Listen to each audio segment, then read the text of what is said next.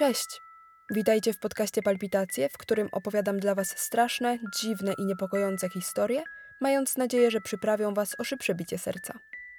Ja jestem Magda, napisałam powieść kryminalną Ogród Zły, a opowieść, którą dzisiaj usłyszycie, jest w całości mojego autorstwa.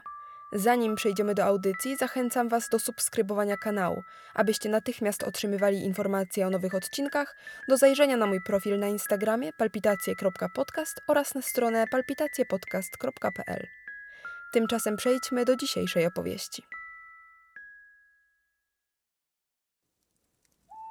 W obcej skórze.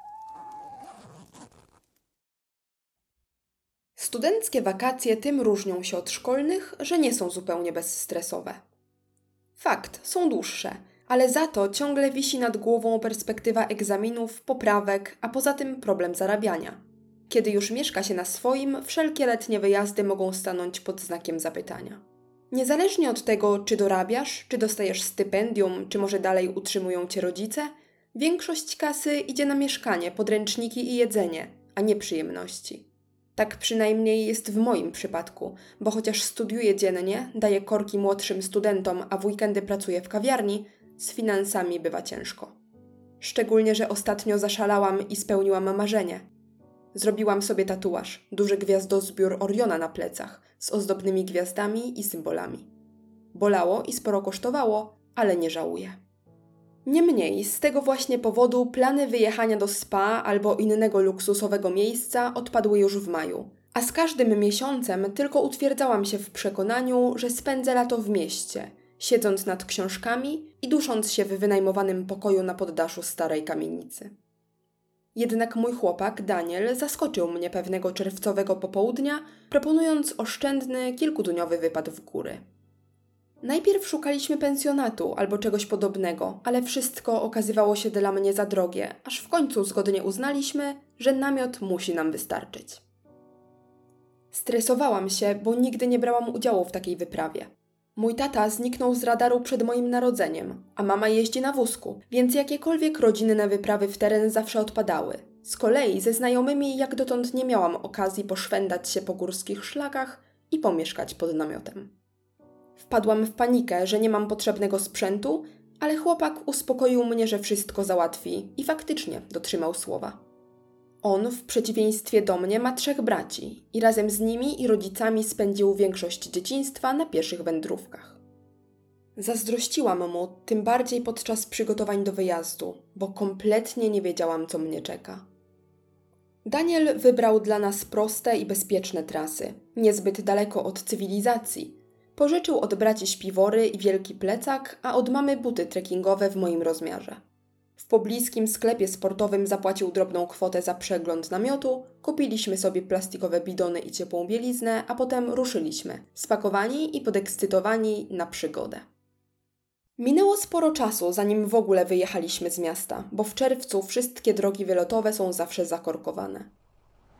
Tkwiąc w miejscu w moim Fiacie z niedziałającą klimatyzacją i słuchając podróżnej playlisty z telefonu Daniela, rozmawialiśmy o tym, co nas czeka.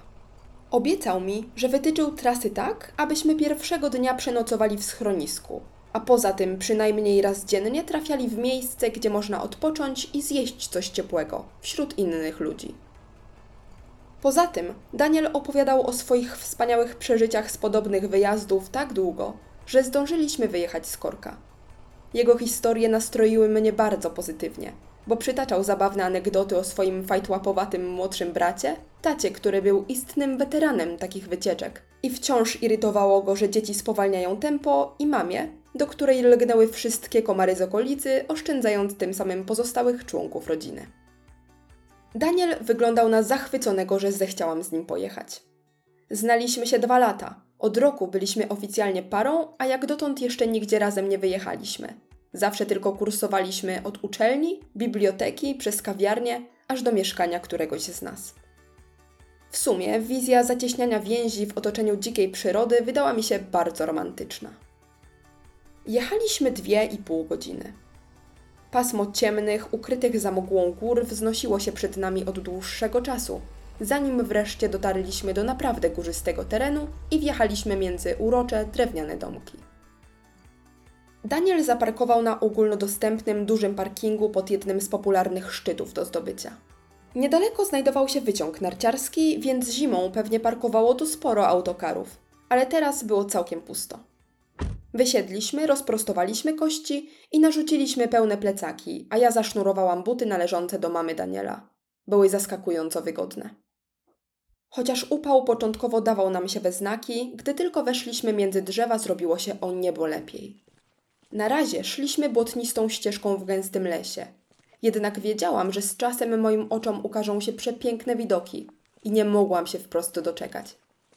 Mój plecak był znacznie lżejszy od tego, który niósł Daniel, a szlak wcale nie był stromy, ale mimo to już po niecałym kilometrze byłam wykończona. Na szczęście chłopak był wyrozumiały i odpoczywaliśmy ilekroć tego potrzebowałam. Czułam już, że jutro będę miała straszne zakwasy w łydkach, ale i tak przez cały czas się uśmiechałam. Wszystko było cudowne. Zapach unoszący się w górskim lesie, chłód kojący wspomnienie o duchocie miasta, śpiew ptaków, głos opowiadającego mi różne ciekawostki Daniela, a nawet komary. Dawno nie miałam tak doskonałego humoru. Zapomniałam nawet o stresie związanym z czekającymi na mnie poprawkami egzaminów. Niestety, nie mogło być aż tak kolorowo. Zjadłam wkrótce cały swój prowiant. Robiło się coraz później i chłodniej, a my nadal nie byliśmy w pobliżu żadnego zejścia do cywilizacji ani schroniska, co uparcie pokazywały mi mapy w telefonie. Zapytałam Daniela, co o tym sądzi, ale wzruszył tylko ramionami i uśmiechnął się jakoś dziwnie. Zaczynałam się stresować, do tego byłam coraz bardziej głodna i zmęczona. Moje marudzenie musiało go w końcu zmęczyć, bo koło siódmej wieczorem z irytacją mnie uciszył i wskazał rozciągającą się po lewej stronie ścieżki polanę. Ze szlaku dało się dostrzec połamane wiatrem drzewa w dole i w oddali jakieś miasteczko. Zdziwiło mnie, jak wysoko dotarliśmy, ale właściwie czułam to w nogach. Chociaż w mieście dużo chodzę, a czasem nawet udaje mi się uprawiać jogging, nigdy nie czułam takiego pulsowania w łydkach. Plecak też dawał mi popalić. Kręgosłup nie był przyzwyczajony do takich obciążeń. Daniel rzucił swój bagaż na trawę i zabrał się do rozkładania namiotu i przygotowywania obozu. Natychmiast się zirytowałam. Obiecał mi przedtem, że pierwszej nocy będę mogła się umyć i zjeść ciepłą kolację w schronisku, a tymczasem wokół nas zaczynał zapadać chłodny górski zmierzch, a żadnego bezpiecznego schronienia nie było nawet na mapie. Kiedy już upewniłam się, że w wybranym przez niego miejscu na pewno można biwakować, dałam wyraz swemu niezadowoleniu z niespodzianki. To się nazywa chrzest bojowy. Rzucił Daniel lekko, uśmiechając się pod nosem. Szturchnął mnie przyjaźnie ramieniem i dodał. No, nie obrażaj się, księżniczko, będzie dobrze. Zobaczysz. No cóż, Daniel się pomylił, nie było dobrze. Najpierw zrobiłam mu karczemną awanturę. Choć starałam się zachować ciszę, przechodzący szlakiem wędrowcy gapili się na nas jak na wariatów. Kiedy zalana łzami panikowałam, że nie jestem na to wszystko gotowa. Daniel miał chociaż dość przyzwoitości, by przeprosić za niespodziewaną zmianę planów. Zaczynałam żałować tego wyjazdu. Później zrobiło się całkiem ciemno, pojawiły się gwiazdy i komary. Mimo piękna widoku, który rozciągał się przed namiotem, łąka, fioletowa mgiełka, która się nad nią unosiła, migocące światłami miasteczko w dole i księżyc, byłam niespokojna i zła. Czułam się brudna, miałam ochotę wziąć prysznic, a mycie się wilgotnymi chusteczkami dla dzieci i wodą z butelki nie pomogło. Daniel, zachowując środki ostrożności, rozpalił ognisko i upiekł kolację, a nawet zagotował wodę na herbatę. W końcu przestałam się na niego wściekać i, pijąc z emaliowanego kubka trochę zbyt mocny napar, zapytałam, co mu strzeliło do głowy. Objaśnił wtedy, że wszyscy w jego rodzinie przeszli to samo. Ojciec zabierał każdego z synów na męską, poważną wyprawę w góry, kiedy kończyli 10 lat i nocowali pod namiotem. Chodziło o przełamywanie własnej strefy komfortu, pokonywanie swoich granic, lęków itd. Dla mnie brzmiało to trochę brutalnie, a nawet głupio, ale nie zamierzałam spierać się z moim chłopakiem. Skoro uważał, że postępowanie jego ojca zrobiło z niego lepszego człowieka, nie było sensu polemizować. Może gdybym nie ufała Danielowi, byłoby inaczej, ale wiedział, co robi. Rozstawił namiot, wybrał właściwe miejsce, miał przygotowaną kolację. Byłam z nim bezpieczna. To pozwoliło mi się odprężyć. Zaczęłam się cieszyć otaczającą nas naturą. Wypytałam o drzewa, które mijaliśmy podczas wędrówki, park narodowy, w którym się znajdowaliśmy, szlaki i inne związane z wyprawą rzeczy. Daniel gorliwie mi odpowiadał, ale im robiło się później i ciemniej, tym częściej zbaczał na niepokojące, mroczne opowieści, których, jak każdy wie, najlepiej słucha się nocą przy ognisku. Najpierw odwodziłam go od tematu, ale w końcu się poddałam, bo Daniel ma niesamowity talent gawędziarski. Zawsze lubił mówić, czasem na temat, a czasem od rzeczy, co niejednokrotnie ratowało go podczas egzaminów ustnych. Lał wodę zamiast odpowiadać z sensem, ale i tak zdawał na piątki. Opowiem ci o czymś, co widziała dawno temu moja mama. Rzucił w pewnym momencie, kiedy skończyły mu się już historia o wielkiej stopie, potępionych duszach taterników włóczących się po szlakach i zaklętych w kamienie rycerzach. Mimo, że byłam owinięta w koc, a od ognia biło ciepło, przeszedł mnie dreszcz. Czym innym jest słuchanie zmyślonych okropieństw, kiedy mają w sobie dużo z legend i są stworzone wyłącznie po to, by budzić lęk, a czym innym jest coś zasłyszanego od osoby, której się ufa, kogoś bliskiego, coś, co równie dobrze mogłoby być prawdą. Może gdyby Daniel opowiedział mi o tym w ciepłym schronisku, siedząc przy grzanym winie, czułabym się z tym inaczej. Ale on snuł historię wśród drzew, pochukiwań nocnych ptaków i szelestów zwierząt pod gwiazdami. Czułam się jak bohaterka Blair Witch Project, tylko że bez kamery i denerwujących kolegów. I, mamy nadzieję, bez dziwnych totemów z gałęzi zawieszonych wokół namiotu. Mój tato poznał mamę na studiach. Tak jak ja ciebie. Podjął Daniel, pociągając łyk herbaty. O, oczywiście nie sugeruję, że będziemy małżeństwem. Wiem, że krótko się znamy. Mm, nieważne. To tylko dygresja. W każdym razie, kiedy się poznali, tato przez długi czas nie chciał zabrać mamy do swojego domu rodzinnego, tutaj w Tatry. Moi dziadkowie są góralami, więc mam góry we krwi. I halny też mam we krwi. Ale do tego lepiej się nie przyznawać, bo od halnego ludzie dostają świra. Sam masz trochę świra. Skomentowałam, a on się uśmiechnął. Mama trochę naciskała, chciała poznać przyszłych teściów, aż w końcu wziął ją ze sobą na wakacje.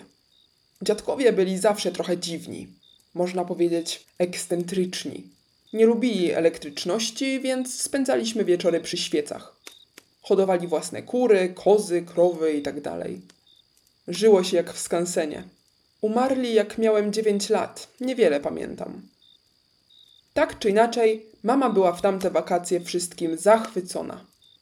Pochodzi z północy Polski, nie była wcześniej w Tatrach, więc tata od razu wziął ją na wyprawę. Łatwą, żeby nie zrobiła sobie krzywdy. Tak jak ja ciebie. Nocowanie w lesie nie jest takie proste. Syknęłam. Oj, daj spokój. Oni też nocowali w lesie. Dali radę. To tradycja w mojej rodzinie. Podczas pierwszej poważnej wyprawy w góry trzeba koniecznie spać na łonie natury. Co jeszcze? Zrobić biwak i opowiadać straszne historie? Nie, to już moja własna inicjatywa. Dasz mi dojść do słowa? Przewrócił oczami i ciągnął. To, co ci teraz opowiem, usłyszałem od mamy. Musisz wiedzieć, że jest bardzo rozsądną kobietą. Pracuje w banku, wychowała trzech synów i generalnie twardo stąpa po ziemi. Dlatego fakt, że powiedziała mi coś takiego jest trochę niepokojący. Daniel zamyślił się i wpatrywał się w dal. Wszystko tonęło w mroku. Tato był przyzwyczajony do spania w lesie, więc szybko usnął, gdy tylko położyli się w namiocie. Ale mama nie mogła spać. Ciągle budziły ją hałasy natury, wiesz, ptaki, wiatr. Poza tym było jej gorąco. W końcu wyszła na zewnątrz, usiadła przed namiotem i siedziała tak, aż przysnęła. Powiedziała, że nie pamięta momentu, kiedy się zdrzemnęła, jedynie to, że obudziła się w kompletnej ciemności. Dalej była w tym samym miejscu, przemoknięta od wieczornej rosy i zmarznięta, ale nie świeciły gwiazdy. Nie było księżyca, chociaż chwilę wcześniej była piękna pełnia, a las pachniał inaczej. Powiedziała mi, że nigdy w życiu nie czuła się tak przestraszona. nawet gdy była w drugiej zagrożonej ciąży i za wcześnie zaczął się poród. Przerażona wczołgała się do namiotu, zasunęła zamek i chciała obudzić tatę, ale spał jak zabity, dosłownie. Z tego, co mówiła, wynikało, że w sumie nic się nie wydarzyło. Było po prostu cicho, ciemno, ale nie słyszała żadnych kroków, odgłosów, słów, zupełnie niczego dziwnego. Jak ona to ujęła? Mm, chyba tak, że to było odrealnione, jak inny wymiar, obce miejsce. Położyła się, próbując usnąć, ale serce jej kołatało, nie była w stanie. Tato ciągle chrapał. Opisała to wszystko tak, jakby to była cisza przed burzą. Wiesz o co mi chodzi, prawda? Ta chwila, kiedy jest cicho i spokojnie, ale wszystko jest podszyte nieuzasadnionym lękiem. Naelektryzowane. Tylko, że to nie trwało chwilę, a dobrą godzinę. Mama spojrzała na zegarek i zorientowała się, że jest piąta nad ranem, ale nadal nie świtało. Niebo powinno było być już jaśniejsze, tymczasem wciąż panowała głęboka noc. Znowu spróbowała obudzić tatę, ale nadal spokojnie spał. Sama nie wiedziała, co nią kierowało, ale odsunęła zamek w namiocie tylko troszeczkę i wyjrzała na zewnątrz. Urwał, a ja wstrzymałam oddech. Było całkiem pusto, nic strasznego. Ale kiedy już miała zasunąć suwak z powrotem, coś jakby poruszyło się obok. Zaszeleściły liście. Mama tkwiła w bezruchu, przestraszona, że to może dzikie zwierzę. Bała się wyjrzeć na zewnątrz i zerknąć w bok. I dobrze zrobiła, bo chwilę potem rozległ się głos, który ona opisała jako udręczony, jakby ktoś był ochrypnięty od zawodzenia i lamentowania. Powiedziała mi, że przejął ją do głębi. Co powiedział? Spytałam po chwili, gdy zorientowałam się, że Daniel robi efektowną pauzę. Zimno mi. Wycharczał chłopak i mnie połaskotał. Pisnęłam zdziwiona i upuściłam herbatę. To wszystko było na poważnie? Spytałam, robiąc porządek z kubkiem i wycierając wrzątek z butów. Mama naprawdę ci to wszystko powiedziała? Co do słowa, przysięgam. Też byłem zdziwiony, ale w końcu doszliśmy razem do wniosku, że to musiał być jakiś zagubiony turysta. A co twoja mama zrobiła później? Wróciła do namiotu i siedziała tam do rana. Gdy nadszedł świt, powiedziała tacie, a on obszukał okolice namiotu i nic nie znalazł, nawet śladów w błocie. Uznali, że to nic poważnego i poszli dalej. W takim razie po co ci to opowiedziała? Drążyłam. Daniel przez chwilę wyglądał, jakby wahał się, czy się odezwać, ale w końcu powiedział. Moja babcia też coś takiego przeżyła. Mama się dowiedziała i chyba ją to ośmieliło. Naprawdę? To już było ekscytujące. Oprócz strachu czułam wesołość, która zwykle towarzyszy opowiadanym przy ognisku strasznym historiom. Mówiłem, że wycieczki w góry to u mnie tradycja. Dziadek po ślubie też zabrał babcię na wyprawę i twierdziła potem, że spotkało ją coś identycznego. I ty mnie tu zaciągnąłeś. Jesteś chyba niepoważny. Stwierdziłam, chociaż już nie byłam na niego zła. Chciał dobrze. Zresztą wszystko to pokazywało, że mu na mnie zależy i poważnie o mnie myśli. To mnie udobruchało. Przecież to wszystko zmyślone głupoty. Zaśmiał się cicho, jakby niepewnie. Może mama nie ma bujnej wyobraźni, ale babcia na pewno. Straszyła mnie za dzieciaka wielkimi nietoperzami i robalami w górskich jaskiniach. Wyobrażasz to sobie? Pewnie po to, żebyś nie wlazł do żadnej dziury i nie połamał sobie nóg. Pokazałam mu język. Pora spać, słonko. Powoli zaczęliśmy zbierać śmieci do plecaków, składać krzesełka i zasypywać ogień. Gdy obóz wyglądał tak, jak powinien, weszłam do namiotu i ułożyłam się w śpiworze. Daniel chwilę później do mnie dołączył. Kochaliśmy się w ciszy, żeby nie płoszyć zwierząt, a potem mój chłopak zasnął. Ja jakoś nie mogłam, pewnie dlatego, że po raz pierwszy nie miałam nocą dachu nad głową. Prezent namiotu nie zastępował porządnego stropu. Słyszałam wszystko, co działo się na zewnątrz, a działo się zaskakująco dużo. Niepewne kroki zwierząt, pewnie lisów szukających resztek. Pochukiwanie słów, bzyczenie owadów. Nie byliśmy wcale tak daleko od cywilizacji, więc dało się nawet posłyszeć echa szczekania psa z jakiejś wioski mijanej po drodze. Byłam potwornie zmęczona, ale sen nie przychodził. Wkrótce na ścianach namiotu zaczęła zbierać się wilgoć i dotarło do mnie, czemu jest tak duszno. Daniel rozproszył się, zanim zdążył otworzyć wywietrzniki. Zrobiłam to zatem, ale było tak ciepło, że musiałam na chwilę otworzyć namiot. Drzewa po drugiej stronie ścieżki odgradzającej nas od ściany lasu były ciemne i strzeliste. Od góry zalane srebrnym światłem gwiazd, skrzących się na niebie jak pokruszone szkło. Zachwycona obserwowałam nocny las, jego spokojne, ciche, zaskakująco ruchliwe życie. Nietoperze śmigały po polanie, na której się rozłożyliśmy. Obok twarzy przeleciał mi świetlik, fosforyzując. Wszystko to było piękne i magiczne. Pachniało lawendą, maciejką i wilgocią. Ułożyłam się obok Daniela, objęłam go ramieniem i zamknęłam oczy, ale byłam zbyt niespokojna, by spać. Podobnie jak matka i babcia mojego chłopaka, pomyślałam. Zaraz jednak skarciłam się za niepotrzebny lęk. Przecież nic nie mogło mi grozić. Byłam blisko ludzi, kilka kilometrów od zabudowań, w niezbyt gęstym lesie. Miałam w komórce zasięg, a obok spał mój chłopak. Co niby mogłoby mi się przydarzyć? Ale od tamtej chwili coś nie dawało mi spokoju. Nie pozwalało zamknąć oczu. Niepokój wkradł się pod skórę, mrówki spacerowały mi w krwiobiegu. Podminowana podskakiwałam, ilekroć cokolwiek trzasnęło na zewnątrz namiotu. W końcu zasunęłam wejście i owinęłam się kocem, zamierzając do rana udawać, że się nie boję. Ale bałam się. Coraz bardziej. Coś było nie w porządku.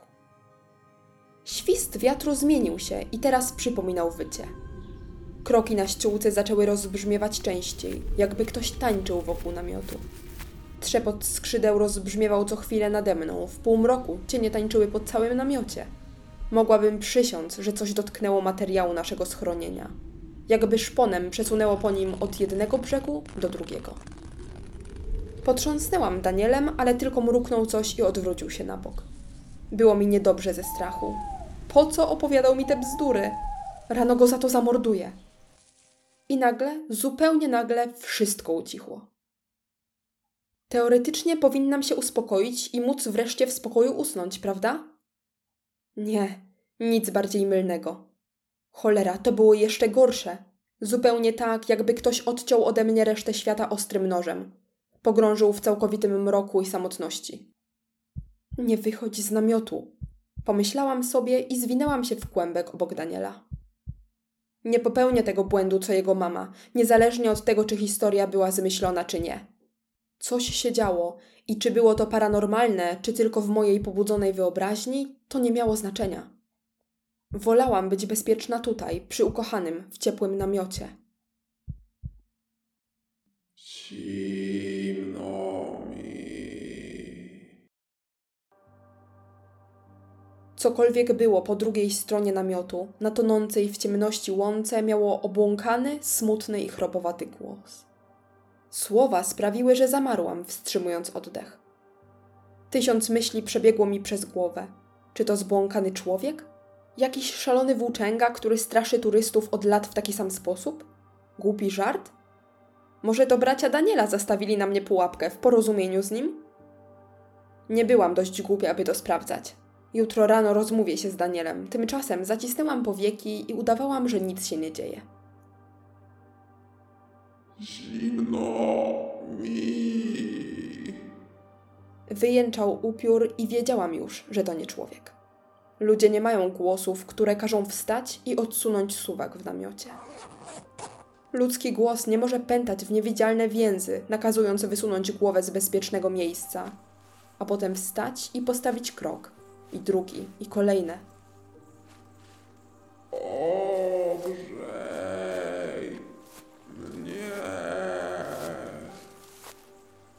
Ludzie nie potrafią czarować słowami, a moje ciało było zaczarowane. Szło, mimo że umysł wołał o pomoc. Milczało, choć krtań pragnęła wrzeszczeć tak, by zbudzić całe Tatry. Ominęłam pozostałości ogniska. Przekroczyłam wszerz ścieżkę i weszłam między drzewa. Było ciemniej niż chwilę wcześniej, prawie zupełnie ciemno. Pokruszone szkło gwiazd przygasło i zmatowiało. Rozszerzone z przerażenia oczy rejestrowały otaczające mnie chaszcze, gęstwinę i nietoperze z gracją przemykające wśród pni. Szłam dalej w nieznane. Marzłam, od rosy przemokły mi spodnie. Wilgoć górskiej nocy spływała po policzkach jak łzy. Moją ostatnią myślą przed tym, jak kolana odmówiły mi posłuszeństwa, było to, że nie przeszłam chrztu bojowego. Nie należę do tych gór. Otworzyłam oczy pod czarnym niebem, które dopiero po chwili stało się ścianą jakiejś górskiej szczeliny skalnej. Leżałam na czymś ostrym, lecz wszystkie odczucia trafiały do mnie przytępione, jakby ktoś przepuścił moje zmysły przez maszynkę do mielenia mięsa. Byłam lepka, brudna, coś pokrywało moje ciało. Dotkliwy chłód parzył mi pierś, brzuch i uda. Wszystko robiło się blade i martwe. Zaczynało świtać, więc świat zaczynał nabierać szarości. Tylko dzięki niej cokolwiek widziałam. I wtedy go dostrzegłam. Był przede mną, potężny, dużo większy od najwyższego człowieka, jakiego znałam i zgarbiony. Stał, wspierając się sękatą długą ręką o skałę. Jeśli w ogóle miał jakąś głowę, była odwrócona i ginęła za pokracznym, paskudnym garbem.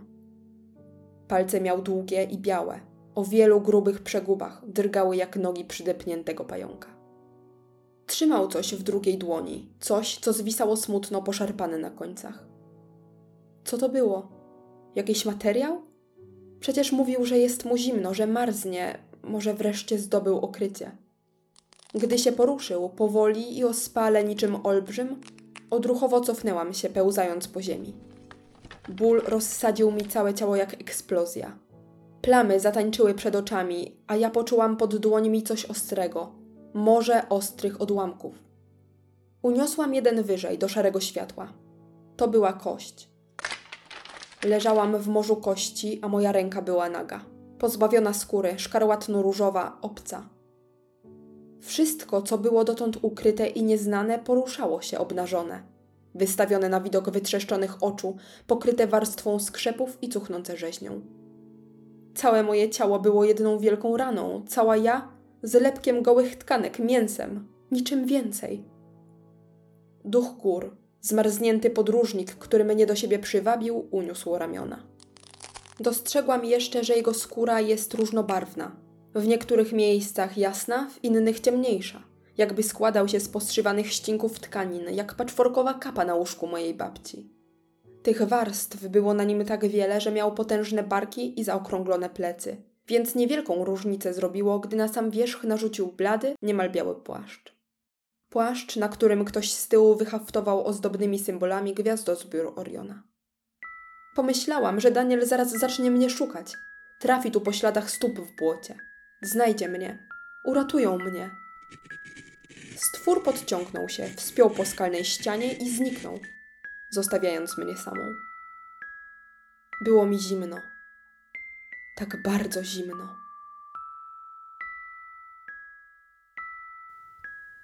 Jeżeli spodobał Ci się odcinek, będę wdzięczna za polecanie podcastu znajomym i subskrybowanie kanału. Dzięki i do usłyszenia.